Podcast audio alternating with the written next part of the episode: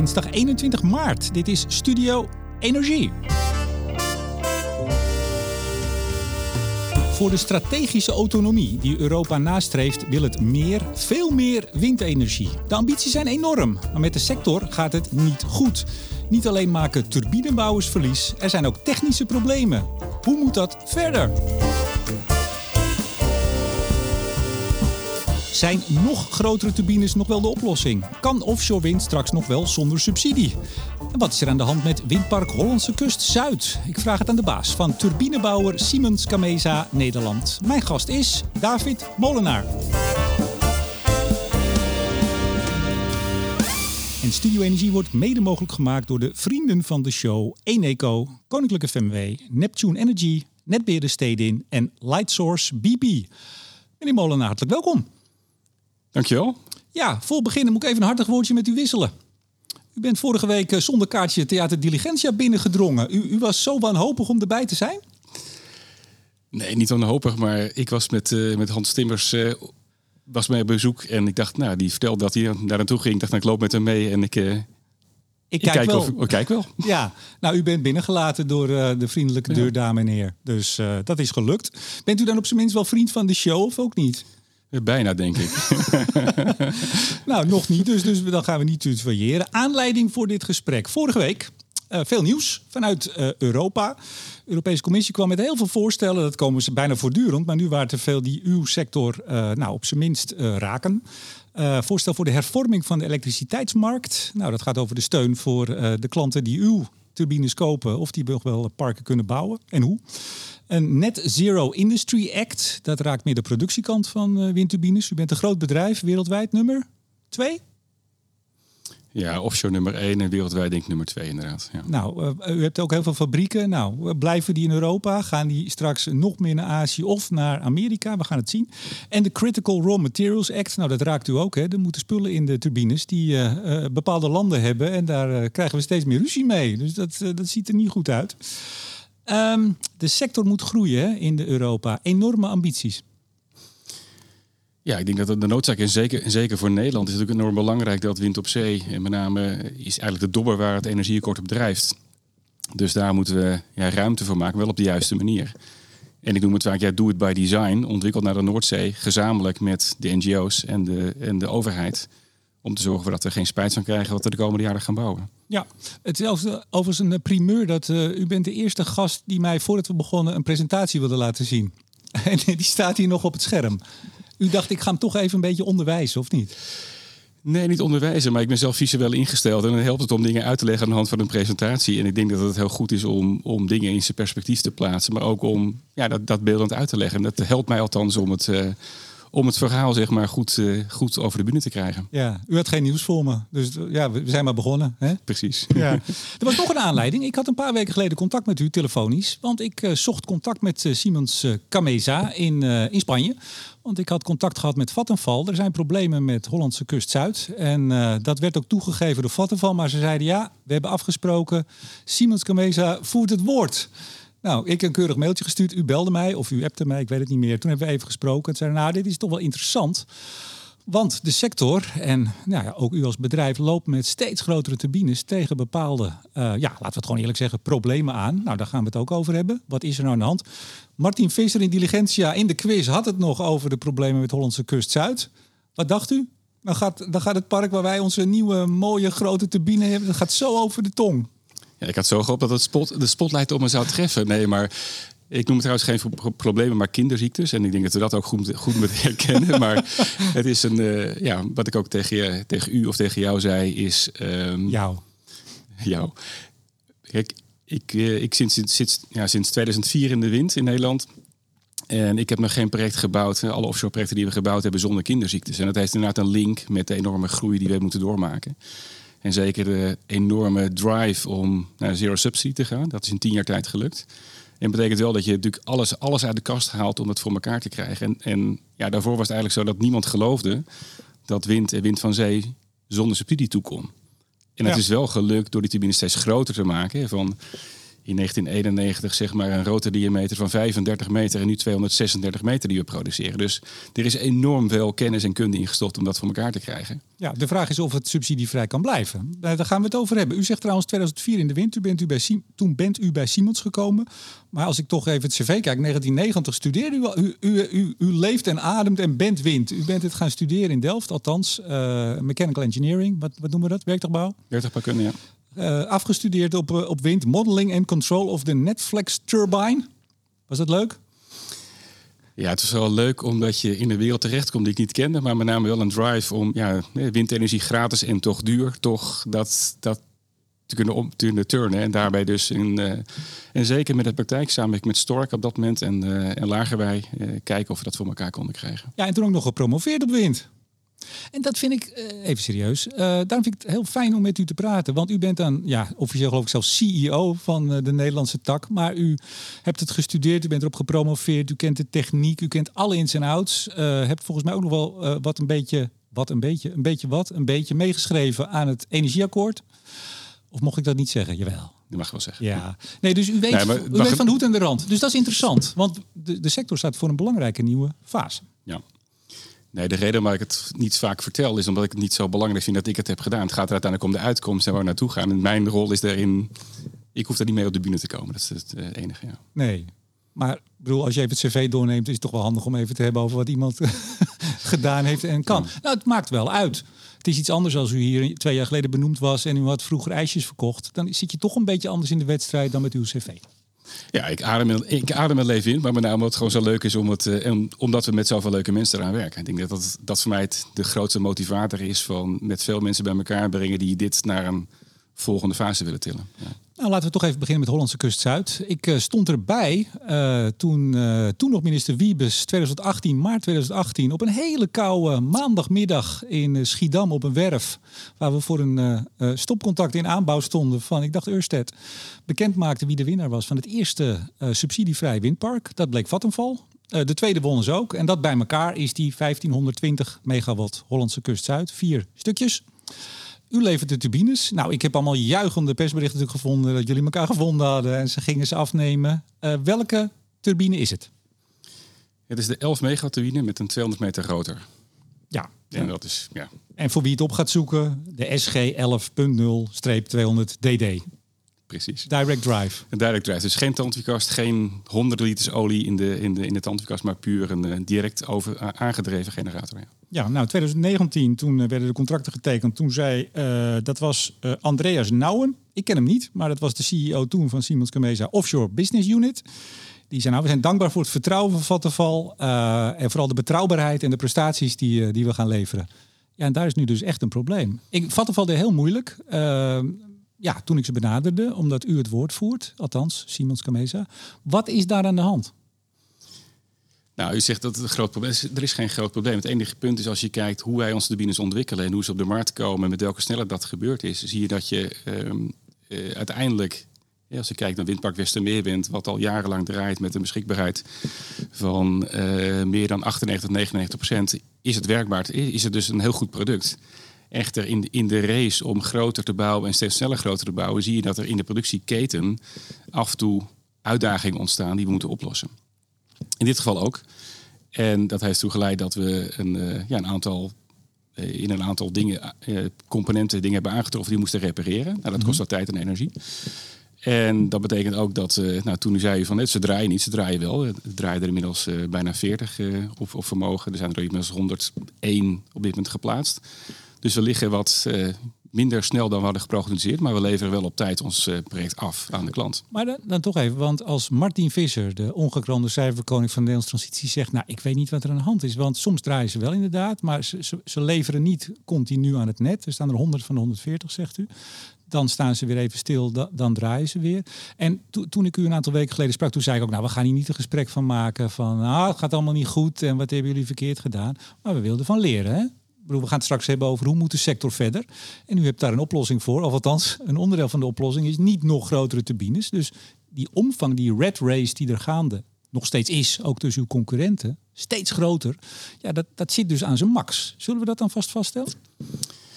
Ja, het, ik ben van mening dat als een max zit. Ik denk dat we daarin, uh, daar voeren we ook binnen de NW, de Nederlandse Windenergievereniging, discussie over wat is nou, welke standaard zouden we moeten ontwikkelen, opdat we gestandardiseerd en eigenlijk risicoarm de projecten kunnen uitrollen. Kijk, in de Hollandse kust Noord of Hollandse kust Zuid, dat je, dat je noemt, zien we inderdaad dat we tegen een aantal kinderziektes aangelopen zijn. En dan nemen we als Siemens wel het zekere voor het onzekere. Door dat stapsgewijs uit te zoeken. Wat is er aan de hand? Wat is het probleem? Wat is er eventueel fout gegaan?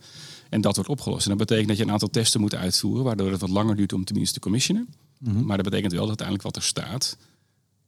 Ja, veilig en betrouwbaar kan opereren. Ja, maar, maar, toch even, zodat we ook alle luisteraars begrijpen wat daar speelt. Nogmaals, uh, je begint met hele kleine molentjes. U begon in de jaren negentig bij Lagerwij. Nou, het was schattig toch? Als je terugkijkt, dat was echt eh, eh, hoe zeg je dat op de. nou, ik weet het niet. Ehm, dat wordt steeds groter. Je, je ontwikkelt zo'n turbine. U bent er nu een aan het ontwikkelen die volgend jaar in productie gaat of geleverd wordt. En 14 megawatt, weer groter. Nou, je test dat, je ontwikkelt dat en dan lever je ze aan de klant voor een heel prestigieus project. Je zet ze neer en dan gebeurt er iets. Dan gebeurt er iets wat je niet had verwacht. Wat is dat dan? Nou, in dit geval zagen we een melding dat we een, een, een probleem hadden in de turbine. En dan gaan we het systemen af en dan moet je onderzoeken wat is nou van de root cause. En is dat een eenmalig iets of treedt het op meerdere plekken op? Nou, wat was dat? Wat was die melding? Ja, dat kan ik niet zeggen. nou, u kunt het wel, maar u, u wilt het niet. Ja, dat snap ik. Nou, vergelijk het met een, uh, dat er optreedt in een turbine, dat als je dat thuis ook hebt, je hebt al soms, soms een kortsluiting. Nou, dat, dat treedt op ook bepaalde plekken en dan weet je waar komt dat vandaan. En dat wil je uitzoeken en dat wil je begrijpen. En dat begrijpen we inmiddels. En daarvoor hebben we een aantal dingen moeten. Repareren. En dat doen we ook met, uh, met volle overgave. Kortsluiting. Maar het trad dus niet op in de testfase voordat ze geleverd werden aan de klanten. Nee. Maar dan baal je wel. Ja, denk ik. natuurlijk. Ik bedoel, het, kost heel veel tijd en energie om uit te wat is er gebeurd. Goed, we hebben natuurlijk onze hele supply chain hebben in, in, in IMCRIEF. Wat gebeurt daar? Is het een, is het een one-off? Is het een serieel probleem? Nou, dat gelukkig niet. Uh, en hoe ga je dat dan terugvinden? Waar treedt het op? Is het op alle turbines, één turbine? Zo ga je het heel stapsgewijs met een uh, onderzoekje de keten en dan lossen we het op. Ja, dat is, dat is denk ik vervelend en heel vervelend. Omdat je ook die uitrol wil je versnellen. En je wil het eigenlijk niet tegenkomen. En daarom heb ik al heel lang gepleit om te zeggen... ja, laten we nu eigenlijk, als we een standaard hebben... dat eigenlijk zodanig gaan produceren en ook installeren... opdat we daar in dat hele proces geen fout maken. Ja. Daar, daar, komen we zo verder op nog. Even in de, het eerste kwartaal, of dan de laatste kwartaalcijfers van, van het bedrijf. Niet alleen Nederland, maar het, het gehele Siemens Gamesa. Uh, overigens misschien toch leuk even om te zeggen hoe groot het is. Want ik, kan best zijn dat mensen denken, nou geen idee. Uh, eh, 27.300 medewerkers. Haal ik van de site. Klopt dat? Uh, ik controleer het niet dagelijks, maar ik, geloof het. Als op de site staat, dan klopt het vast. Uh, u zit op 60 locaties uh, in de wereld, 38 in Europa, eentje in Nederland. Alleen serviceverkoop, geen fabriek. Nou goed, daar komen we zo op. Waar komen de fabrieken te staan? 26 in Azië, gewoon locaties. 16 fabrieken totaal, 6 in Europa, 6 in Azië. En dan nog 10 R&D centers, 8 in Europa. En volgens mij zitten we hier op een vloer. Wat, waar zitten we nu? Ik mag hier eigenlijk helemaal niet komen, hè? Oh, oh, oh, helemaal. Nou, we zitten op het kantoor ergens, iets met Simons, ergens in Nederland. Uh, even, dan, um, oh ja, bij de kwartaalcijfers. 472 miljoen euro uh, speciale last is er genomen. Uh, heeft dat te maken met dit probleem? Nee. Oh, je hebt nog andere, nog andere problemen. Nee, heeft oh, mag geen probleem noemen. Heeft ook andere uitdagingen? Er zijn wel andere uitdagingen.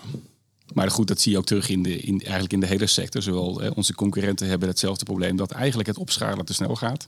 En daarmee dus in de hele keten. Maar dat heeft ook te maken met dat het is, het is een soort keten die moet gaan werken. Als één onderdeel vertraagd is of dat de supply chain vertraagd is, dan merk je ook dat dat, ja, dat gelijk gevolgen heeft voor de hele keten. en ik maar, zie... maar even bijna een half miljard euro in één kwartaal als extra last. Dat betekent, uh, er staat ook iets van 187 miljoen door uh, ja, uh, reduction of recognized revenue, dus minder omzet, maar ook, ik zou bijna zeggen, out of pocket. Je, je moet, moet, geld betalen, er moet dingen gerepareerd worden of nou, whatever. Dat is toch een enorm bedrag, een bijna een half miljard in één kwartaal. Precies. En dat is ook hetgeen waar ik me al, al jarenlang, uh, of tenminste probeer in te zetten. Van laten we nu alsjeblieft zeggen van we weten dat we een product kunnen bouwen. Dat zien we aan producten die de afgelopen tien jaar neergezet zijn, die vol, ja, eigenlijk zonder zorgen kunnen opereren. Echter, de enorme drive die er geweest is om kosten te reduceren, heeft ook genoten om dat snel te vergroten. En nu zouden we eigenlijk moeten consolideren. Eigenlijk moeten we doen naar de, de, de afstemming op de spoorrails van, van Europa. dezelfde afmetingen. Kijkend naar ook, of uh, vergelijkend met de, wat gebeurt is in de luchtvaartindustrie. We moeten voorkomen dat we de A380 gaan, gaan produceren in de wind. Ja, het A380 is een heel groot uh, vliegtuig. Ja, wat eigenlijk net één stap te groot was. Want je kon, er, uh, ja, je kon het niet, niet, niet, zeg maar aanlanden op een vliegveld. De hele instroom en uitstroom passagiers duurde te lang. Eigenlijk was het net één, één stapje te groot. Dubbeldekker noem ik het even. Hè? Twee, uh, twee lagen. Nou, laten we dan naar die uh, ambities van Europa gaan. En dan komen we straks op uw uh, visie hoe het anders moet. Want u, u roert zich al langer. Hè? Ik kom nog oude interviews van u tegen. 2020 zei u eigenlijk al hetzelfde. We moeten eigenlijk pas op de plaats maken. Niet nog maar groter, maar meer standaardiseren gaan we het uitgebreid over hebben. Even die ambities van Europa. Heeft u het een beetje meegekregen vorige week? Of zat u druk in de, in de turbines? Ik heb niet alles meegekregen, maar ik merk wel dat, de, dat het in beroering is en dat er veel wordt over gesproken. Hoe kunnen we deze uitrol nou faciliteren op de juiste manier? En met name risico's uit de keten wegnemen. Mm -hmm. En met name investeringszekerheid bieden. En dat is uiteindelijk hetgeen wat natuurlijk ja, nu een rol speelt. Hoe ga je de, onze opdrachtgevers zekerheid bieden dat ze hun geld daarmee kunnen verdienen? Ja, en hoe ga je zorgen dat de Europese windturbine sector overeind blijft. Want alle vijf de grote partijen in Europa maken allemaal verlies. Gaat echt, gaat echt zwaar. Ja, het is niet de meest makkelijke tijd. maar we nu in. U bent van de understatements, daar hou ik wel van. ja, ja. Even de, de ambities, laten we daar toch even mee beginnen. Uh, ik had een tweetje vanochtend gemaakt. Europa wil puntje, puntje, zoveel meer windenergie. Dus iemand, ja, Europa wil, Europa wil. Maar wat wil Europa? Hebt u de getal een beetje? Ik hang u niet op een megawattje op, of maar een beetje kunt u schetsen de scope van waar we naartoe moeten als het aan nou, ik zou bijna zeggen de Europese Commissie vooral, voorop en dan de lidstaten erachteraan. Waar gaan we naartoe? Helpt u maar even. U heeft de getallen paraat. Ik heb nou, niet uit mijn hoofd nee, zitten. Dus ah, nee, ik ga u niet over horen hoor. Nee, maar um, we zitten nu op 17% stroom uit wind. Uh, lees ik ook bij uw brancheorganisatie Wind Europe uh, en de NWA, de Nederlandse. En het zou in 2050 50% moeten zijn.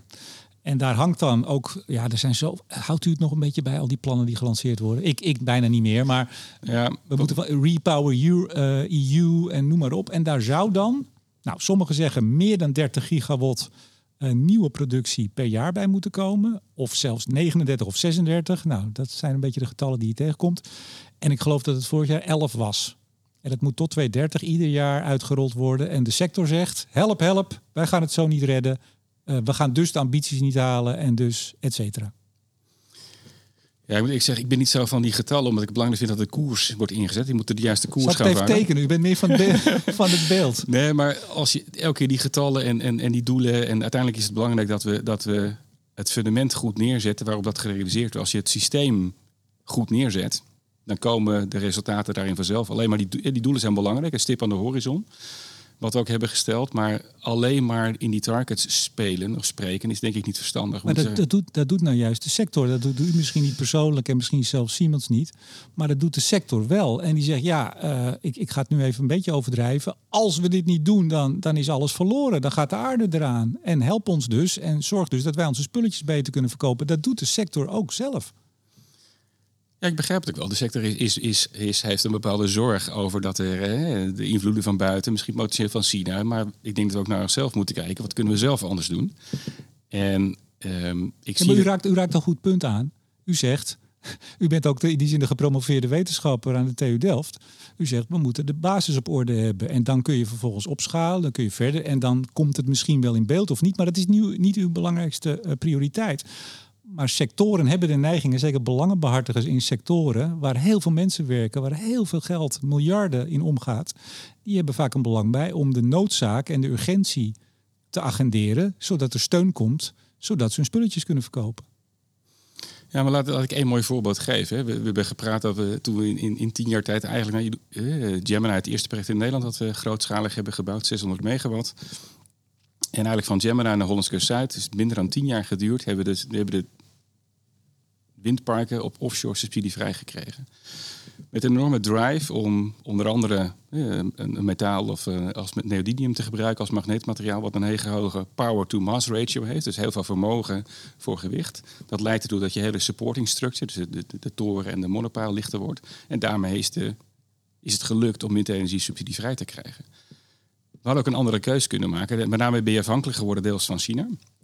Je had ook kunnen zeggen dat willen we graag in Europa doen. Kost iets meer, omdat we anders omgaan met het milieu of anders omgaan met de arbeidsvoorwaarden. Maar dan kost het meer. Maar die tijd was heel erg belangrijk om de regering te overtuigen dat ze niet alleen maar op subsidie draaien, maar zero subsidie zouden kunnen worden. En dat heeft ook het beeld veranderd in de politiek. Nu staan we op het punt dat we dat bereikt hebben en dat er natuurlijk een aantal dingen zijn waardoor de prijzen zou kunnen stijgen. Als de vraag niet toeneemt, als het aanbod eh, de vraag overstijgt. Maar nu is het belangrijk om dat te gaan bouwen. We hebben nog maar, denk ik, een kleine 575 gebieden staan op de Noordzee. En er komen er 1800 voor 2030. Dat wat we nu moeten gaan bouwen, moeten we zero waste gaan bouwen. Moeten, moeten we over nadenken hoe we dat kunnen hergebruiken. Hoe we dat kunnen stimuleren dat het groen en schoon wordt. In plaats van zo snel mogelijk bouwen en ook niet onze, zeg maar, ons gedrag veranderen, dat we minder energie gaan gebruiken. Ja. En dat zijn dus fundamentele vragen waar we nu voor staan. En als we het nu niet doen, hebben we over twintig jaar spijt. Dat is eigenlijk het punt waarvoor ik uh, sta. Ja. Ik weet niet of mensen het horen, maar u zit met uw leuning onder de tafel. Dat maakt de hele tijd een beetje geluid. Maar ik weet niet, of misschien hoort het wel helemaal niet in de opname. Ik hoor het wel de hele tijd. Ja, gaat het zo beter? Ja. Als u een beetje eh, zet de microfoon als wat naar u toe, schuif maar lekker. Als u maar lekker dichtbij blijft. Ja. Sorry, prima. Uh, ik moet nog over één ding zeggen, want u zijn een aantal keer subsidievrij. En dan zitten er mensen uh, nu te luisteren, die zitten met stoom uit hun oren. Het is helemaal niet subsidievrij, want het stopcontact, dat nemen wij voor onze rekening. Nou, dat was toch zo'n anderhalve cent per kilowattuur toen dat in 2013 werd besloten. Vind, vindt u het subsidievrij of zegt u nou, eigenlijk ook niet? Nou, het is subsidievrij als je het kijkt tot aan het substation, dat klopt. ja. ja. Maar ik denk ook, en dat is ook wat ik in mijn presentatie van 2008 zei, de infrastructuur is het allerbelangrijkste. om daarin te investeren als, als overheid, en zeker op Europees niveau. Zeker nu ook, we zien dat, we, dat, dat onze afhankelijkheid van, van Rusland eh, zou moeten worden verminderd. Dat is ontzettend belangrijk. Wat doe je daarmee? Dan heb je ook fundamentele keuzes te maken. Wil je dat uh, die infrastructuur duaal uitvoeren qua, eh, qua risicozekerheid. Er zijn een aantal dingen die we gewoon fundamenteel over moeten nadenken. Tegen wat, misschien wat meer extra investeringen. Maar het leidt uiteindelijk wel op lange termijn dat je het langer mee toe kan.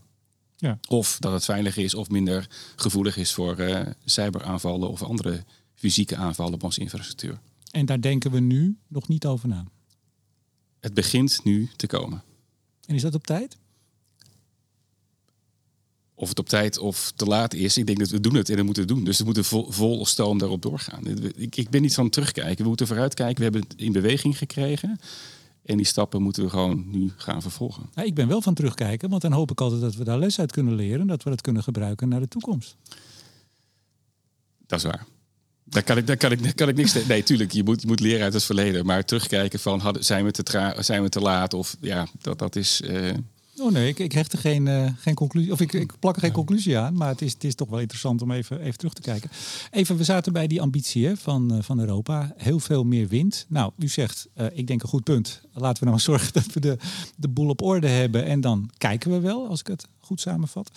Um, nou, er zijn dus, ja, we gaan ze ook niet allemaal doornemen, want het was echt heel veel. Hè? Dus er was het Green Deal in Industrial Plan. Um, in hoeverre bent u daarmee bezig als uh, chef Nederland met ja, uh, gaan we straks onze fabrieken meer naar de VS verplaatsen, omdat daar uh, heel veel geld beschikbaar is als, als lokker. Is, is dat ook een deel van uw werk of is dat toch hoofdkantoorwerk? Nee, dat is met name hoofdkantoorwerk, waar we wel naar kijken van waar zou Nederland voor geschikt zijn. Als je kijkt naar onze eigen tak, als je onze Noordzee ziet, zeg maar, als een nieuwe energie, voedsel, recreatie en, en, en, en flora-fauna terrein, van wat zouden we daar kunnen doen en wat zou passen.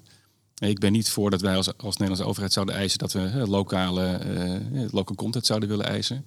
Maar wel kijken van wat, wat biedt Nederland, welke voordelen hebben wij, wat kunnen we doen aan die keten om dat gewoon beter, sneller, efficiënter te maken. Ja, er kwam ook een voorstel voor de hervorming van de elektriciteitsmarkt. Uh, daar leken de afgelopen maanden enorm uh, radicale voorstellen te gaan komen. Daar was ook veel uh, verzet tegen, of veel weerstand.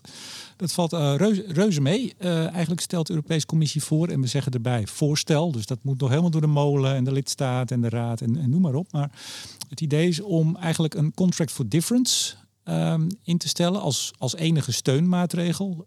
als de prijs heel laag is van stroom, dan krijg je subsidie. Dan krijg je bijgepast zodat je uit de kosten bent als, uh, als Vattenval bijvoorbeeld in dit geval. Uh, en als je heel veel winst maakt, het is een enorm hoge prijs, dan moet je wat aftikken aan de overheid. En die sluist dat dan weer door naar burgers die uh, met hoge rekeningen kampen. Is dat een goed plan? Nou, generiek denk ik dat je dat, dat als je aan de onderkant compenseert voor risico's, moet je aan de bovenkant ook mee. Hè? Dus de, de risico-winst uh, moet je naar kijken. Dus qua concept denk ik dat het een heel mooi concept is. Ik denk alleen dat we breder moeten kijken dan alleen maar dat. Als je kijkt naar de. We hebben heel veel voordelen gehad bij het hebben van het Groningen gasveld. Daar hebben we niet alles uitgehaald wat we eruit zouden kunnen halen. Laten we nu opnieuw naar de Noordzee kijken, wat het ons kan bieden. En dat denk ik moeten we goed bekijken. Wat biedt dat ons? En rekening houden met onvoorziene omstandigheden in de toekomst. Van hoe kunnen we er op de beste manier gebruik van maken, dat we er daarvan leren. En deels is, uh, nou ja, als je energie produceert wat veel waarde heeft, dan moet dat kunnen terugvloeien naar de staatskas. Je zou het kunnen investeren in een fonds wat gebruikt kan worden om nieuwe innovaties te doen. Dus op die manier moet je er wel naar kijken. Je hebt maar één keer een Noordzee die je kan, kan, kan bebouwen. Dus laten we daar wel naar kijken wat je er uiteindelijk mee kan doen als het um, ja, meer mee kan doen dan alleen maar puur bouwen en energie produceren. Maar, maar het, onder het vorige kabinet was er een, een, een, stevig geluid van de NVA, dus de, de Nederlandse uh, Vereniging voor Windenergie, noem ik hem maar even. Die wilde graag zo'n contract for difference bij nieuwe windparken. Het kabinet wilde daar niet aan. En de gedachte erachter was wel, ja, dan blijft het toch nog steeds een, een vorm van subsidie uh, blijven we dan geven. Bedoel, als, als het mee zit niet, maar als het tegen zit wel. En blijven we dus maar subsidiëren, wat we al vanaf de jaren 70 doen met windenergie. In alle wisselende uh, hoeveelheden. Um, en we komen zo langzaam een beetje bij de staat van uw sector en hoe, hoe dat nou verder moet. Maar is dat niet uh, een valide argument toen en misschien nu nog steeds? Nog steeds aan het subsidie-infuus, zeg ik even, de, de, de haters van windenergie, zeg ik even na. Nou, dat vind ik wat negatief. Nee, ik denk dat je wel moet kijken wat wil je subsidiëren en waar wil je geld voor, voor allokeren. Ik denk dat, dat, dat we hebben laten zien dat we een product kunnen bouwen wat subsidievrij kan opereren. Eh, uiteraard gekoppeld aan een netwerk dat wel gesubsidieerd is, wat wel staatseigendom is of in ieder geval. Um, maar er zullen nog genoeg innovatie moeten plaatsvinden. En zeker als je het in een breder kader bekijkt, niet alleen maar energie leveren in de vorm van elektriciteit, groene elektriciteit of groene waterstof, maar ook naar voedsel en ook naar milieu. Want eigenlijk moet je die balans gaan zoeken en dan moet je kijken wat wil je wel subsidiëren en wat niet. Dus ik, ik vind het niet zo zwart-wit van het ene wel, het andere niet. Nee, het is kijken van we hebben een Noordzee, die kunnen we op een nieuwe manier inrichten. Dat moeten we met elkaar doen en kijken hoe we dus die balans kunnen vinden tussen het, ja, het, het, sponsoren van innovaties, het stimuleren van uh, visserij, uh, de recreatie, maar ook de voedselproductie van zee. Maar je moet het wel integraal gaan beschouwen. Ja, maar dat, dat pleidooi hebt u volgens mij nu uh, al een keer of twee, drie. Uh, ik vind, ik vind ja, het belangrijk. ik vind nee, dat belangrijk. Ja, ik ook. Nee, begrijp me niet verkeerd. Maar, maar, maar, maar, toch even, we zijn in de jaren 70 in Nederland heel, heel voorzichtig met uh, op, het, op het boerenerf. En wat, wat fanatiekelingen die gingen met hele leuke windmolens aan de slag. Dat werd pas deze eeuw echt serieus. Nou ja, na jaren 90 ook wel al. Um, en een van de, nou, u kent nog vast de bekende uitspraak van toen aanstaand premier Rutte, 2010. Hè, die dingen die draaien op op subsidie. En subsidie is natuurlijk hartstikke goed, maar er moet wel op enig moment een keer een eind aan zitten, zou je zeggen. En als je meerdere decennia bezig bent om uh, dat in de benen te helpen, dan mag een maatschappij op een gegeven moment toch ook zeggen, ja, maar nu moet u toch eens een keer de, de eigen broek ophouden, of niet? Ja, maar weet ook dat minister Kamp heeft gezegd zeven jaar later dat het zijn grootste succes was wind op zee. Dus het is, het is een beetje de perceptie die het is van waar draait het op? En uh, wind op zee draait niet op subsidie. Het is subsidievrij. Alleen de infrastructuur wordt, is onderdeel van het systeem. Ik hoor al twee, drie jaar, en dat is ook uh, niet achter de schermen, maar ook voor de schermen. Uh, op deze manier is het niet houdbaar. De business case voor wind op zee, zoals hij tot nu toe ging, en we gaan het nu hebben over hoe het dan beter moet. Maar zoals hij tot nu toe ging, is hij niet houdbaar. Want hoe meer parken je neerzet op bepaalde momenten, is er enorm veel productie. Is het niks waard. Uh, de, de, grote uh, energiebedrijven in Nederland zeggen het ook aan publiek. Zo kan het niet verder. Dat is niet goed, zou ik denken. Nee, maar ik ben niet van het, ben niet van het doen, denk ik. Ik denk dat het, er waren ook een aantal dingen niet kunnen voorspellen. Qua prijsstijgingen, negatieve prijs had niemand voorspeld. Er was ook niet voorspeld dat met de uitrol van wind op zee dat het zo snel zou gaan van 180 euro per megawattuur hè, naar de, de, de biedingen van Ørsted waren een verrassing. Ik denk dat het heel moeilijk is te voorspellen wat die prijzen gaan doen. Ik weet wel dat je er geen spijt van krijgt als je op deze manier investeert in deze sector, die uiteindelijk aantoonbaar groene stroom produceert tegen een veel lagere CO2-uitstoot dan op alle andere manieren. Ja, maar op het gevaar of dat we een beetje blijven hangen, of dat ik blijf hangen, uh, ik neem hem meteen voor mijn rekening. Uh, iets ontwikkelt zich. Met horten en stoten. Met kabinetten die het absoluut niet zagen zitten. Minister Vragen nog in 2011, 2012. Toen met die Gemini parken die u net noemde. Nou, miljarden voor die paar windmolens. Dat was ook heel veel. Dus in die zin kon je er nog wel een beetje inkomen. Maar ja, je moet, je moet investeren en dan hoop je, nou, dat is allemaal gelukt vindt u het nou niet een beetje te makkelijk om te zeggen, nou, dit is allemaal gelukt en het is Hosanna. En ik heb ook meermaals uh, de aanpak uh, bewierookt. Hè? Dat, uh, luisteraars kennen dat. Het kabinet zei, of de, overheid zei, wij gaan die parken eigenlijk panklaar op de markt brengen. Risico's eruit halen, zodat partijen kunnen aanbieden. U bent betere en grotere en turbines gaan maken, zodat je minder monopiles nodig hebt, nou, et cetera. Dat is een groot succes. Daar nemen we allemaal niks van af. Ja, dat liep dus tegen de tegen het einde aan. Dus het was niet iets wat, wat toch wel eens uh, in de windwereld te horen is. Nou, we zijn subsidievrij, gaat fantastisch. Nou nee, want laten we dan toch even naar de problemen gaan. Uh, in de sector, uitdagingen. Pardon. Ja, nee, u kijkt al.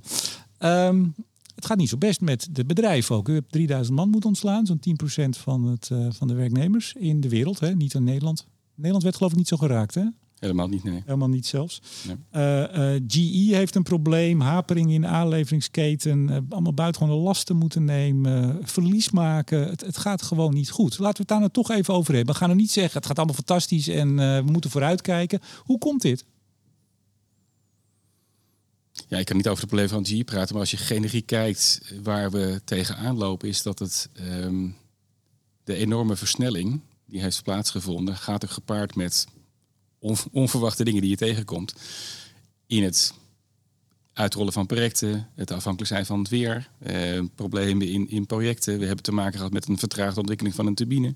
Zo zie je allerlei dingen die, die een rol spelen op het moment dat je alleen maar kijkt naar groter, groter, groter en sneller, sneller, snel.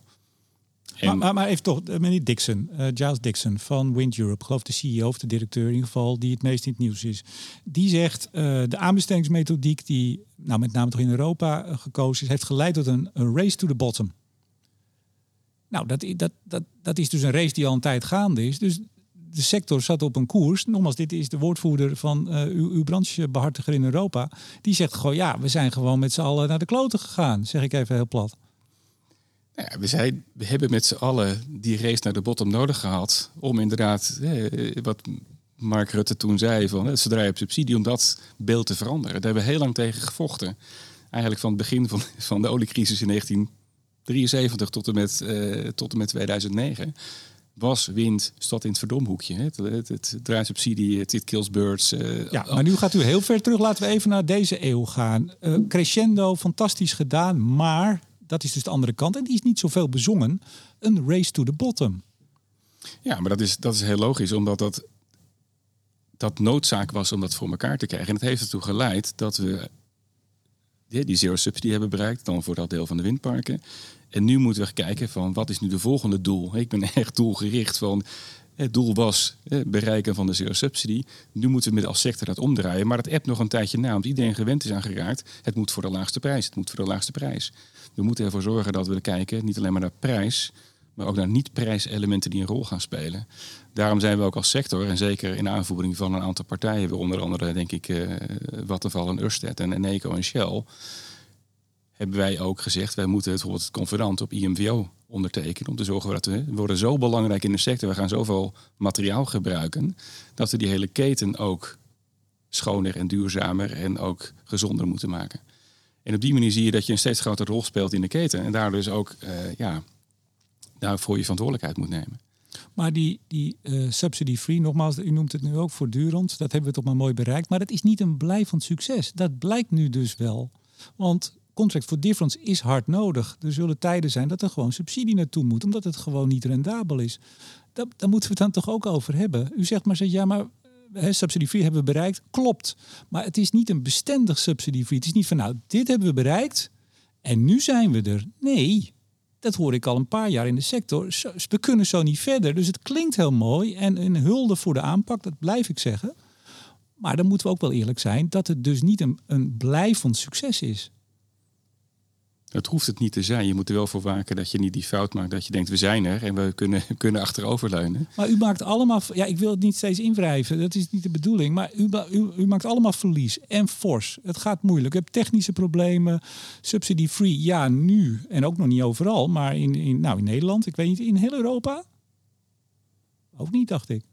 Nog niet overal, nee. Nee, precies. Nou, uh, Azië, daar ziet u ook veel. Uh, dus het is ook nog maar, hè, Nederland, Nederland en Duitsland waren een beetje tegelijk al, als eerste. Het is niet dat de hele wereld subsidy-free offshore windparken neerzet. Dus laten we naar de toekomst gaan. Dat, dat wilt u het liefst. En, ik blijf een beetje hangen. Ik merk het zelf ook. Nou, ik, ik word er wel eens een beetje, dat ik denk, ja, hè, prima, maar laten we nou eerlijk zijn. Goed gedaan en nu verder. Wat moet er gebeuren? Nou, ik denk dat heel, wat, wat ik heel belangrijk vind, is dat we, we hebben nu een, wat je zei, niveau bereikt waarin we weten wat, wat we kunnen bouwen, waar de risico's zitten. Als we nog sneller gaan versnellen, dan zullen we tegen problemen aanlopen. Dus wat wij als sector in Nederland hebben voorgesteld, en waar eigenlijk wat heel mooi is, dat alle partijen die in de sector vertegenwoordigd zijn, hebben gezegd we moeten gaan industrialiseren.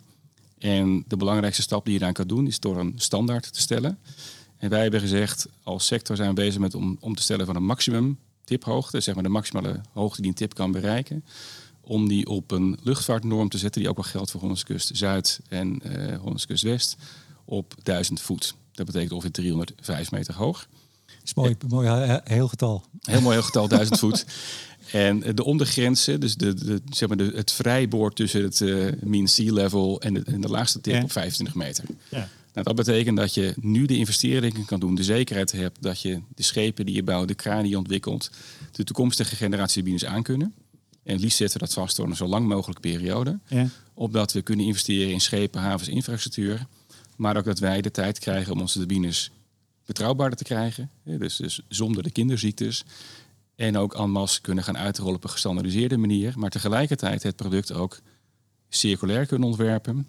En ook kunnen kijken naar de gedifferentieerde aanpak van bijvoorbeeld dat je je infrastructuur, lees de substation en de kabels, dat je die voor een termijn van 40, 50 jaar kan ontwerpen. Ja.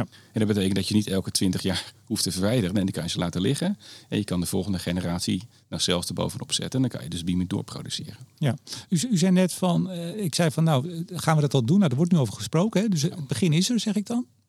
En, nou, maar u, u pleitte daar dus al, uh, al veel eerder voor, hè? een paar jaar geleden. Uh, toen was ook uw bedrijf nog bezig om die nieuwe te ontwikkelen die volgend jaar op de markt komt. Merkt u ook binnen, nou, binnen Siemens of binnen de, bij de conculega's dat het daar ook landt? Want de, de race is still on, zeggen ze in het Engels. Hè? De Chinezen zitten nu al op, uh, of uh, hoe heet het, Vesta zit op 15 megawatt. Is alweer eentje groter dan nu. U kunt geloof ik ook de 15 even tik, aantikken hè, met de 14. Zoiets, toch? Ja, de, de powerboost zoals het zo mooi ja. Ja, maar nee, maar Chinees zit op 16 en, en uh, januari is er een gelanceerd of gepresenteerd. En of hij er al staat is een vraag. Maar 18 megawatt, dus die race gaat nog door.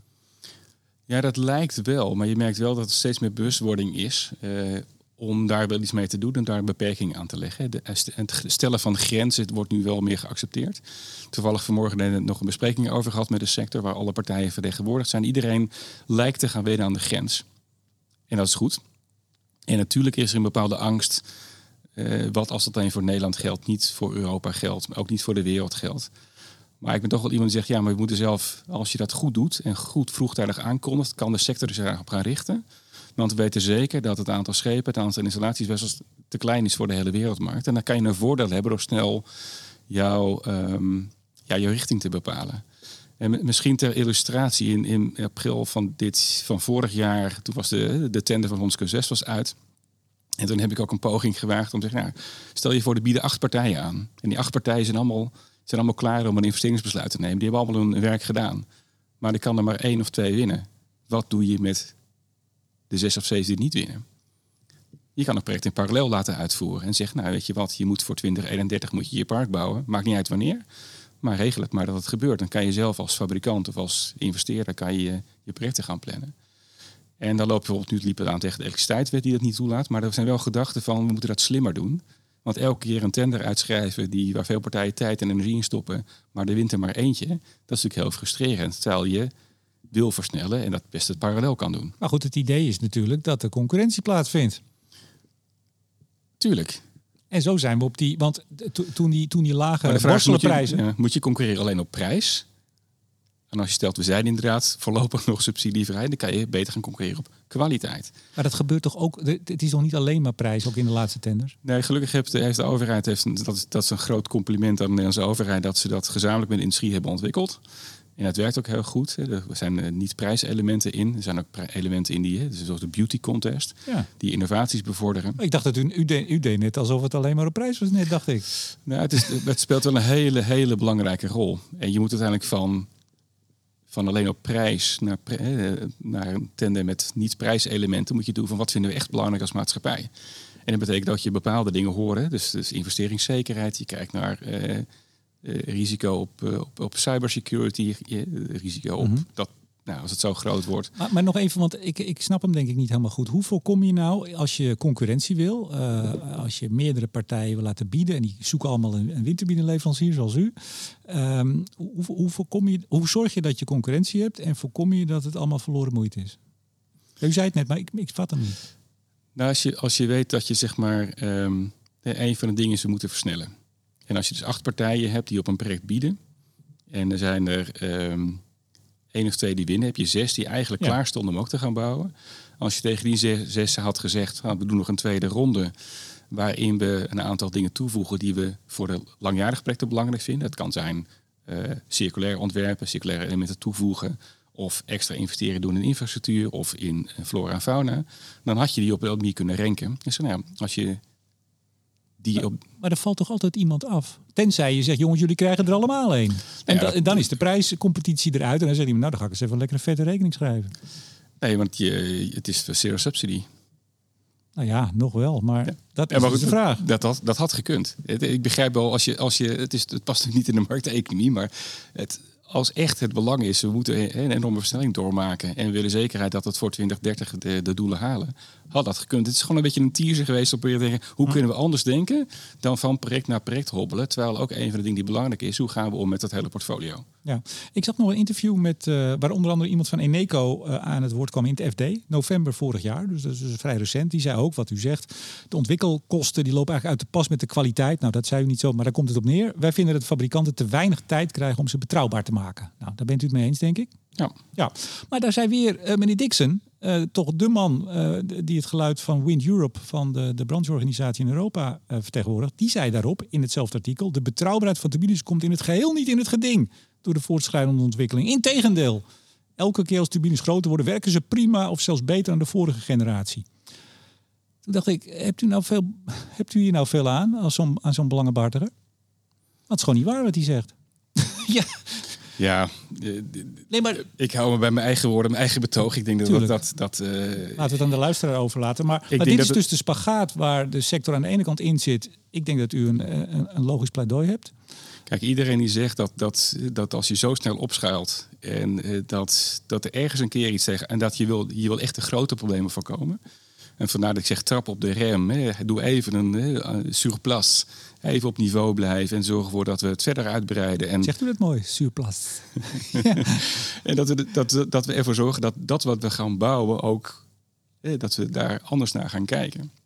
Een van de voorbeelden die ik wel eens heb genoemd, van als je dus inderdaad die rotor eh, dezelfde grootte houdt, dan weet je dat je nooit meer, no- nooit meer vermogen uit je turbine kan krijgen dan, dan het ontwerp is. Hè. Dit is een bepaalde maximaal megawatten. Maar dat betekent ook dat je kabels nooit gro- groter hoeven worden. Dat betekent ook dat de magneten die we nu installeren, die zou je kunnen ontwerpen op hergebruik. En nu ontwikkelen wij ze, stoppen ze erin en zijn eigendom van de- onze opdrachtgever. En zo zou je kunnen differentiëren naar levensduur van je grote componenten. Maar je kan ook kijken welke componenten moet je zo ontwerpen dat je ze kan hergebruiken. En het gebeurt nu nog niet voldoende. Het besef begint te komen. En er zijn ook voorbeelden van kijken naar eh, recyclable blades en kijken naar eh, groene geproduceerd staal. Maar het is allemaal nog in de ontwikkelfase. En ik denk dat mijn betoog was, als je nou die tiphoogte constant houdt, die tiplaagte constant houdt, dan is het hele systeem kan je gaan optimaliseren. En met name eh, risico's eruit. En ook zorgen voor dat het duurzaam en groen Ja. wordt. Optimaliseren, standaardiseren. Eh, dan kunt u ook makkelijker meerdere fabrieken bouwen, denk ik dan. Waar allemaal dezelfde spullen van de band rollen. Ja. U, u knikt, ja? Ja. ja. Gaat het gebeuren? En wat is er voor nodig? U, u, u bent er. Nou, u, u, u, bent een, eh, u verspreidt het woord hier binnen Siemens Gamesa. U ziet nog eens wat collega's. Maar wat is er echt voor nodig om dit voor elkaar te krijgen? Nou ja, ik hoop wel dat, dat juist, en ik, kan een aantal wegen bewandelen. Ik denk dat we als in Nederland kijken, waar we met de NWA samen onder leiding van NWA dit plan hebben eh, nou, uitgewerkt en in hele goede dialoog zijn om te kijken of we dit voor elkaar kunnen krijgen. En ik ben ervan overtuigd dat het binnen Nederland gaat lukken. Dan is de volgende vraag, ja, wat dan in Europa? Uh, nou ja, dat is dan de volgende stap. Nou, sorry, wacht even. Dat het binnen Nederland gaat lukken. Er, er komt straks een tender hier op de markt. En moet het dan zo zijn dat iedereen die inschrijft zich eraan moet houden? Of, maar er komt gewoon een Chinees en die zegt, nou, ik wil ook meedoen. Ga weg met je duizend voet. Ik ga gewoon veel groter. Ja, maar in de tender staat nu al dat duizend voet. Voor de aankomende tender staat het al dat het de grens is. Dus de maximale tiphoogte is okay, dus, voet. Dus, Rijk gaat dat afdwingen? Ja. Maar dan zijn we er toch in Nederland? Nou ja, het enige punt is dat het nu voor het aankomende project geldt. En wat je natuurlijk nodig hebt om, om grote investeringen in schepen en havens te doen, dat je dat wil weten dat het voor een langere periode is. En dat is hetgeen waar we nu voor mee bezig zijn. Om te kijken hoe lang zou je dit moeten vastleggen? Zijn we het met z'n allen eens over die duizend voet? En zo ja, hoe lang zou die moeten gelden opdat al die investeringen nu gedaan worden? Om ervoor te zorgen dat we in 2031, maar ook in 2040 en in 2050 onze doelen halen. Ja, nou, nou wordt er in Nederland gaat er heel veel wind uh, op zee neergezet worden. En het is wel eens leuk, uh, anders zal ik het even twitteren morgen, denk ik. Uh, er is een rapport, ik dacht van de wereldwijde, de Council, de Global Wind Council, een offshore rapport. Nou, daar staat Nederland, als het gaat over wat we hebben op zee dan. En wat we gaan neerzetten, staan we in flink in de voorhoede. Wij zijn echt een heel groot wind op zee land. Dus dat zou kunnen betekenen, vraag aan u, dat andere landen dat over gaan nemen als ze zien dat het hier werkt? Ja, waarom niet? Nou ja, nee, dat vraag ik aan u. ik neem aan dat u ook wel eens internationaal collega's spreekt. Uh, voelt u dat daar, want in Azië bent u groot als Siemens Gamesa. Uh, voelt u dat daar ook oren naar is of zeggen ze daar toch iets heel anders? Nee, vind ik heel lastig om te oordelen. Het is, is al heel uitdagend om het in Nederland voor elkaar te krijgen. Ik denk dat dat Europees gezien ook, ja, ik denk dat het stapje voor stapje gaat. Ik focus me eerst op wat we in Nederland zouden kunnen doen, omdat ik denk dat dat de manier is waarop we onze doelen kunnen halen. Ehm, ik kan moeilijk inschatten hoe dat leeft in andere landen. En wat nou als ik uh, straks hier vertrek en, en, volgende week of volgende maand zie ik ineens een aankondiging van Siemens Gamesa. We gaan met een turbine komen van 17 megawatt. Ziet die eraan te komen? Die past ook in die grens, ja. Dus binnen de, binnen de 1000 voet en 50 meter heb je een rotor over van 280 meter. En dan kan je heel mooi uitrekenen dat daar een turbine in past tot zo'n 20, 21 megawatt. Ja. Oké, dus we, we zijn er nog niet dan? We hoeven er niet te zijn de, de, grens biedt de ruimte om het te doen. En uiteindelijk is het aan de partijen zelf om daarbinnen te kunnen ontwerpen wat nodig is. En, en dat, daar moet de, is, is de overheid zo belangrijk, omdat de overheid heeft, het is eigenaar van de grond en die kan de vergunningsvoorwaarden stellen. En wat wij belangrijk vinden, is dat die voorwaarden zo worden gesteld dat er voor de sector een level playing field is, maar dat die wel uitdagend zijn. En zo zou je bijvoorbeeld zou je kunnen stimuleren als je kijkt naar het recyclen van je rotorbladen, wat nu beperkt nog gebeurt. Dat je in een aantal stappen zegt van de eerste aankomende tender moet je 20% van je turbines uitrusten met die bladen. Maar de volgende tender weet je al, dat wordt 40%. En op die manier kan je de sector dwingen uiteindelijk naar 100% recyclebaar te gaan in pure gefaseerd verhaal. En dat betekent dat je dat voor kan bereiden, je kan investeren, je weet wat er komt. En dat is denk ik erg belangrijk. Dat verwachtingsmanagement. Wat gaat er komen aan eisen, dat moet voorspelbaar zijn. U hebt in uw, uh, althans in de kwartaalcijfers staat een mooi staatje wat er allemaal moet gebeuren. We gaan het niet allemaal doornemen, maar er zijn een aantal dingen. Het laatste punt is establishes a level playing field. Nou, daar hebt u het nu over. Following the rules of the WTO. Want ik zat meteen te denken, ja, je kan in een land uh, of in, een, in Europa kun je allerlei uh, eisen gaan voorschrijven die dan toevallig misschien net goed bij u passen. En dan is het in overtreding, want dan sluit je allerlei partijen uit. Is dat niet een gevaar? Ik denk dat wat de overheid heel goed doet, die luistert heel goed. Die organiseert allerlei sessies waar iedereen kan inspreken op wat zijn of haar ideeën zijn. En zij kunnen heel goed combineren uit alle ideeën ze binnenkrijgen, wat uiteindelijk de randvoorwaarden worden. En dat hebben ze de afgelopen jaren ook prima gedaan. En ze hebben bijvoorbeeld dat er een. Het belangrijkste is een level playing field. Dat, is, dat willen we allemaal. En dat, uh, daar staan we ook voor. En de overheid doet het op een hele ja, verstandige manier door uh, dus uh, sessies te organiseren waarbij al die informatie bij elkaar komt. En zij maken daar uiteindelijk een besluit. Wat wordt het? Zo hebben ze ook het besluit genomen wat wordt het spanningsniveau van 33 kilovolt naar 66 kilovolt. En ze in de advies in, ze leggen het naast elkaar en maken uiteindelijk een besluit. En daar kun je dus heel ver in gaan, zegt u? Nou, ik denk dat, dat, de, dat de overheid er belang bij heeft om te begrijpen wat er speelt. Ik denk dat het een, de hele industrialisatie, maar ook de, de, de transformatie van de energiesector is niet, is niet eenvoudig.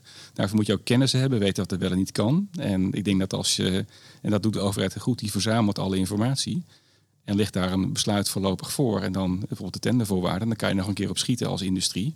En uiteindelijk gebruiken ze al die kennis om de juiste randvoorwaarden te stellen. Ja, die, die, die uh, problemen in de productielijn of in de aanvoer van materialen en zo, hè, dat is een belangrijk onderdeel van waarom de, grote turbineproducenten in problemen zitten. Dus, dus prijsstijging ook uh, met name, inflatie. Wat gaat u daar, uh, of wat, wat moet er daaraan gebeuren, laat ik het zo zeggen? Nou ja, een van de dingen die je kan doen, en dat is een hele, hele interessante, is als je. De turbines zijn natuurlijk nu ontwikkeld voor een levensduur van 25 jaar. De vergunningen zijn langzaam opgegroeid naar 35 jaar uit mijn hoofd. Je zou ook kunnen zeggen dat je die nog verder oprekt naar 40 of 45 jaar. En dat betekent eigenlijk dat als je kijkt naar de hoeveelheid staal die je nodig hebt om een, zeg maar, een fundering te ontwikkelen van 25 jaar of van 40 jaar, dat is maar 10 tot 15% meer staal. Ja. En als je dan kijkt naar de hoeveelheid energie die je kan produceren in die jaren, betekent dat je eigenlijk het doet ongeveer 60% meer energie in die periode. Dus dat betekent dat je op een hele efficiënte manier van je materiaal gebruik gaat maken. En als we het hebben over de, de, de zeldzame aardmetalen en al dat soort spul? Nou, dat geldt eigenlijk hetzelfde voor. De betoog wat ik net hield, als je dat die, die, die rotor constant houdt, eh, die rotordiameter constant houdt, betekent dat je eenmalig die materialen hoeft te, te minen. Dan komen ze pas over 20 of 30 jaar beschikbaar, maar je hoeft het maar eenmalig te doen voor die hele generatie. Daarna kan je ze hergebruiken. Of je wil zo ontwikkelen, het kan een turbine zijn, het kan ook een ander product zijn. Maar het is zonde om telkens opnieuw ja, zoals het mooie het virgin material te gebruiken. Je moet zorgen dat je het zo ontwerpt dat je het uit elkaar kan halen en op her kan gebruiken. Ja. Ik zag nog één punt tot slot dat uh, u wil als bedrijf dat uh, de inflatie, dat er voor inflatie gecompenseerd wordt. Toen dacht ik, ja, dat zullen meer, zullen meer bedrijven willen. Sterker nog, dat wil iemand die naar de Albert gaat ook wel. Wie moet het compenseren? Uw, uw opdracht, de vattenvals van deze wereld of, of de overheid? Ja, dat vind ik een hele lastige. Ik heb het ook gezien. En ik, uh, ik, ik, ik, zou, ja, ik, ik, ja, ik kan ook niet mijn CEO afvallen. Ik, ik weet niet wat je daarmee, uh, wat, wat, um, ik weet niet of dat verstand. Ik denk dat we ook moeten willen dat dingen gewoon duurder worden en dat we daar, dat het niet, hè, de, de loonprijsspiraal, dat die, uh, dat het niet een automatisme zou moeten zijn. Omdat we moeten winnen, bepaalde dingen zijn gewoon schaars. Wat ik wel vind, daarin is dat als er mensen in de problemen komen, moeten ze daarbij helpen. Dus je moet wel voor zorgen dat het de kloof tussen arm en rijk niet groter wordt, maar zeggen die moet verkleind worden. En dat is iets wat we wel in de gaten moeten houden. Ja, ja, en u moet geholpen worden althans, uw bedrijf. Dat is. Uh, Wij komen er wel bovenop. Dat dat. Uh, ik... Nee, ik bedoel, ja, nee, dat zeg ik niet. Ik zeg, u, u zegt als bedrijf van help ons. En uh, nou, ik moet, laat, laat ik zeggen, ik, dit is misschien toch een beetje een. Dit, de aanloop van dit gesprek de afgelopen week was ook een beetje gek. En u was diligentie binnengedrongen. Dit is een heel gek. U gaf een presentatie. Ik ben ook een beetje anders dan anders, merk ik. Ik, ik heb me weer ontzettend verdiept de afgelopen tijd in, in voorbereiding op dit gesprek. Ik, ik ben een fan van wind op zee. ik vind het heel vervelend voor de vissers. U trof er nog een, hè? In, uh, in Diligentia. Dat zal vast Dirk Kraak geweest zijn, die is er ieder jaar. Ja. Um, um, maar, maar als, ik, um, als je je even verdiept in met name de pleidooi van de brancheverenigingen en met name Wind Europe, dan is het echt, en ook zo'n oproep van uh, doe even onze inflatiecompensatie. Ja, uh, er zijn meer goede doelen waar geld naartoe kan. En het lijkt wel of echt alles om wind moet draaien. En wind is belangrijk. Ik ben een fan, zeg ik ervan. zeg ik erover.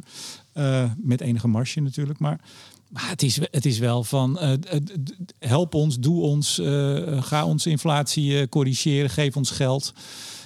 ik vind het wel eens een beetje veel. Maar dat is niet tegen u hoor. Dat is meer de, de sector. Nou, ik, denk dat, ik vind dat we als sector ook zeker naar onszelf moeten kijken. Wat kunnen we anders doen? En wat hadden we anders moeten doen? Dat heb ik ook intern ook gezegd. Van wat, wat, wat gaan wij morgen anders doen als we onszelf willen verbeteren? En een van de dingen vind ik dat we hard moeten pleiten inderdaad voor zo'n uh, zo'n maximale turbinegrootte. Omdat dat de hele industrie helpt. En tegelijkertijd vind ik wat we moeten doen, is dat we om tafel moeten gaan zitten. Wat we ook inmiddels aan het doen zijn. Met alle NGO's, waaronder ook de visserij. Om te kijken van hoe kunnen we nou die Noordzee zodanig inrichten dat zowel de natuur wordt versterkt en verbeterd, dat er ook ruimte is voor de visserij. Eh, dat er ook, en los zonder terug te kijken wie wat in het verleden heeft gedaan. Nee, we hebben een Noordzee, die is nog bijna ja, uh, leeg. leeg. Uh, maar we weten dat, dus, dus hoe kunnen we dat op een hele zinnige manier doen? En dan eh, zeker bij elkaar gaan zitten en kijken wat, wat zijn nou de verschillende standpunten en wat betekent het voor elkaar. Want simpel een, een, een, een, dimensie aanpassen betekent een enorme verandering in je proces en dat heb je niet zomaar voor elkaar. Dus je moet van elkaar begrijpen wat de gevolgen zijn. Dat was toch al een Noordzee-overleg waar iedereen bij elkaar zat? Is ook zo. Gebeurt, gebeurt ook. Maar het, het, uiteindelijk is het zo van, eh, moet het ook geïmplementeerd worden. Dan moet je ook daarin een keuze maken. Hoe gaan we dat de komende jaren doen? En voor mij is dat moment nu, of de komende maanden, moet er zijn van hoe gaan die toekomst eruit zien? Onder welke voorwaarden gaan we dat uitrollen? Ja. En daar is wel een plan voor nodig. En moet je wel met elkaar ja, toch regelmatig in overleg. Alleen, het moet eigenlijk wel een keus gemaakt worden. Maar die 70 gigawatt die er eh, in 250 zou moeten staan, dat is de stip op de horizon. is wel heel veel, hè? U zegt ook, ja, visserij en, en recreatie. Ik weet niet of ik, of ik daar nou heel erg wil recreëren, hoor. De ene zegt het is veel, de ander zegt het zou het 100 kunnen zijn. Ik denk Ja. dat we heel erg moeten kijken. Je kan hem helemaal, ja, maar meneer Molen, je kan hem helemaal volzetten. Ja, maar dat, het is toch niet reëel? Nou, ik denk Maar dat, ook daar zie je vaak zo'n overdrijving. Ik, nou ja, ja, ik ben soms een beetje tussen, tussen twee dingen heen en weer geschud. ik denk dat het goed is dat die dialogen daarover gevoerd worden. Want het, als het zeg maar. Het, eh, ja, ik- ja, die doelen zijn belangrijk om, om aan te geven waar het naartoe moet. Maar de richting is voor mij belangrijker dan het einddoel. Heel goed. Nou, een- heel klein kort dingetje. Vandaag, we nemen het op maandag op. Eh, waterstoffabriek op zee. Bij een windpark. Hebt u hem gehoord, de aankondiging? Ik zag het net voorbij komen. Ja. Ja, 32 moet hij draaien. En ik zag nog even dat u eh, als bedrijf bezig bent om 120 miljoen euro te investeren in vijf jaar tijd in full-scale offshore demonstration in waterstof. Groene waterstof van wind. Is dat, is dat veel geld voor u of is dat een klein projectje? Nou, het is wel veel geld om, om te investeren in zo'n project. Als je een half miljard verliest in een kwartaal. ja. Fair point. Nee, ja, wat belangrijk is, denk ik, eh, dat heb ik ook een tijd geleden gezegd, van wind op zee eh, krijgt van mij een rapportcijfer 8. Het kan- kan een 9 of een 10 worden als we net gaan industrialiseren. Het valt wat terug naar een 6, 6,5 als we dat niet doen. Maar waterstof van zee is nog redelijk jong en redelijk vers. Het krijgt niet verder een rapportcijfer 3 of 4 van mij. Dus wat nodig is, is daar ook een routekaart volgen dat we in 2027 een demo gaan maken. En daarvan leren hoe dat werkt en functioneert. Voordat we die grote uitrol gaan doen. Want het is niet zo dat we opeens hebben eh, groene waterstof eh almas over. En eh, nee, het is wel een, eist een enorme investering. Ook in de hele keten. Dus Ja. bekijk het integraal, bekijk het end-to-end. Betrek de NGO's erbij. En zorg ervoor dat we ja, dat het doel niet op zich het doel wordt. Maar dat we in ieder geval zorgen dat we de maatschappij een klein beetje mooier achterlaten. Of de planeet een klein beetje mooier achterlaten dan we hebben aangetroffen. Bent u een beetje bang voor NGO's? Nee, absoluut niet. Maar de NGO's die zitten, die heb ik vanaf het, vanaf het energieakkoord in 2013 en het klimaatakkoord, die zitten overal. U doet net of ze er nooit bij waren. Die zijn, die zijn toch. Bent u bang dat ze toch een beetje gaan ageren als u daar straks tientallen gigawatts neerzet en de natuur er toch wel een beetje op zijn donder van zou kunnen krijgen, zeg ik voorzichtig. Nou, ik denk dat het hand in hand kan gaan. Ik denk dat, dat, dat het juiste, en juist misschien moet ik het beter zeggen, dat wij als fabrikant niet betrokken waren bij, die, eh, bij de NGO's. Maar er zijn heel veel mogelijkheden om dingen met elkaar te combineren. En wij zouden best aan onze palen een, eh, een oogje kunnen maken waar een visnet al zou kunnen hangen. Dus je kan allerlei dingen verzinnen waardoor je dingen wel gecombineerd kan doen. Leuke kastje van musjes en zo. Er kunnen allerlei leuke dingen aan. Je zal het geloven niet, maar ik heb vleermuizen aangetroffen op onze turbines bij Gemini. Dus wat dat betreft Ja. is het, eh, er is ik denk veel meer mogelijk dan, dan, dan, dan we nu denken. We moeten in ieder geval niet kijken alleen maar naar energie van zee, maar ook hoe kunnen we die dingen met elkaar combineren. Kunnen we nou ja, eh, monitoring met elkaar doen? Kunnen we, als we toch daar varen, kunnen zij een rol spelen als, eh, om te kijken of de bevuiling van de kabels genoeg is op de Noordzee? Er is veel meer mogelijk als je het nou samen doet. En dat is het betoog wat ik hou. En dat heb ik zelf tekort gedaan. Daarom ben ik ook een poging gestart om ja, ze overal bij uit te nodigen. Onder andere de, de Q-meetings die we organiseren. Kom bij elkaar, overleg, deel dingen en kijk hoe we ja, de Noordzee eh, zo mooi mogelijk kunnen ontwikkelen met elkaar. David Molenaar, CEO van Siemens Gamesa Renewable Energy in Nederland. Hartelijk dank voor het gesprek. Graag gedaan, dankjewel. En uiteraard bedank ik ook jullie beste luisteraars en in het bijzonder alle vrienden van de show, waaronder Koninklijke FMW, Netbeheerder Stedin, Eneco, Neptune Energy en Lightsource BP. Mijn naam is Remco de Boer. Graag tot volgende week.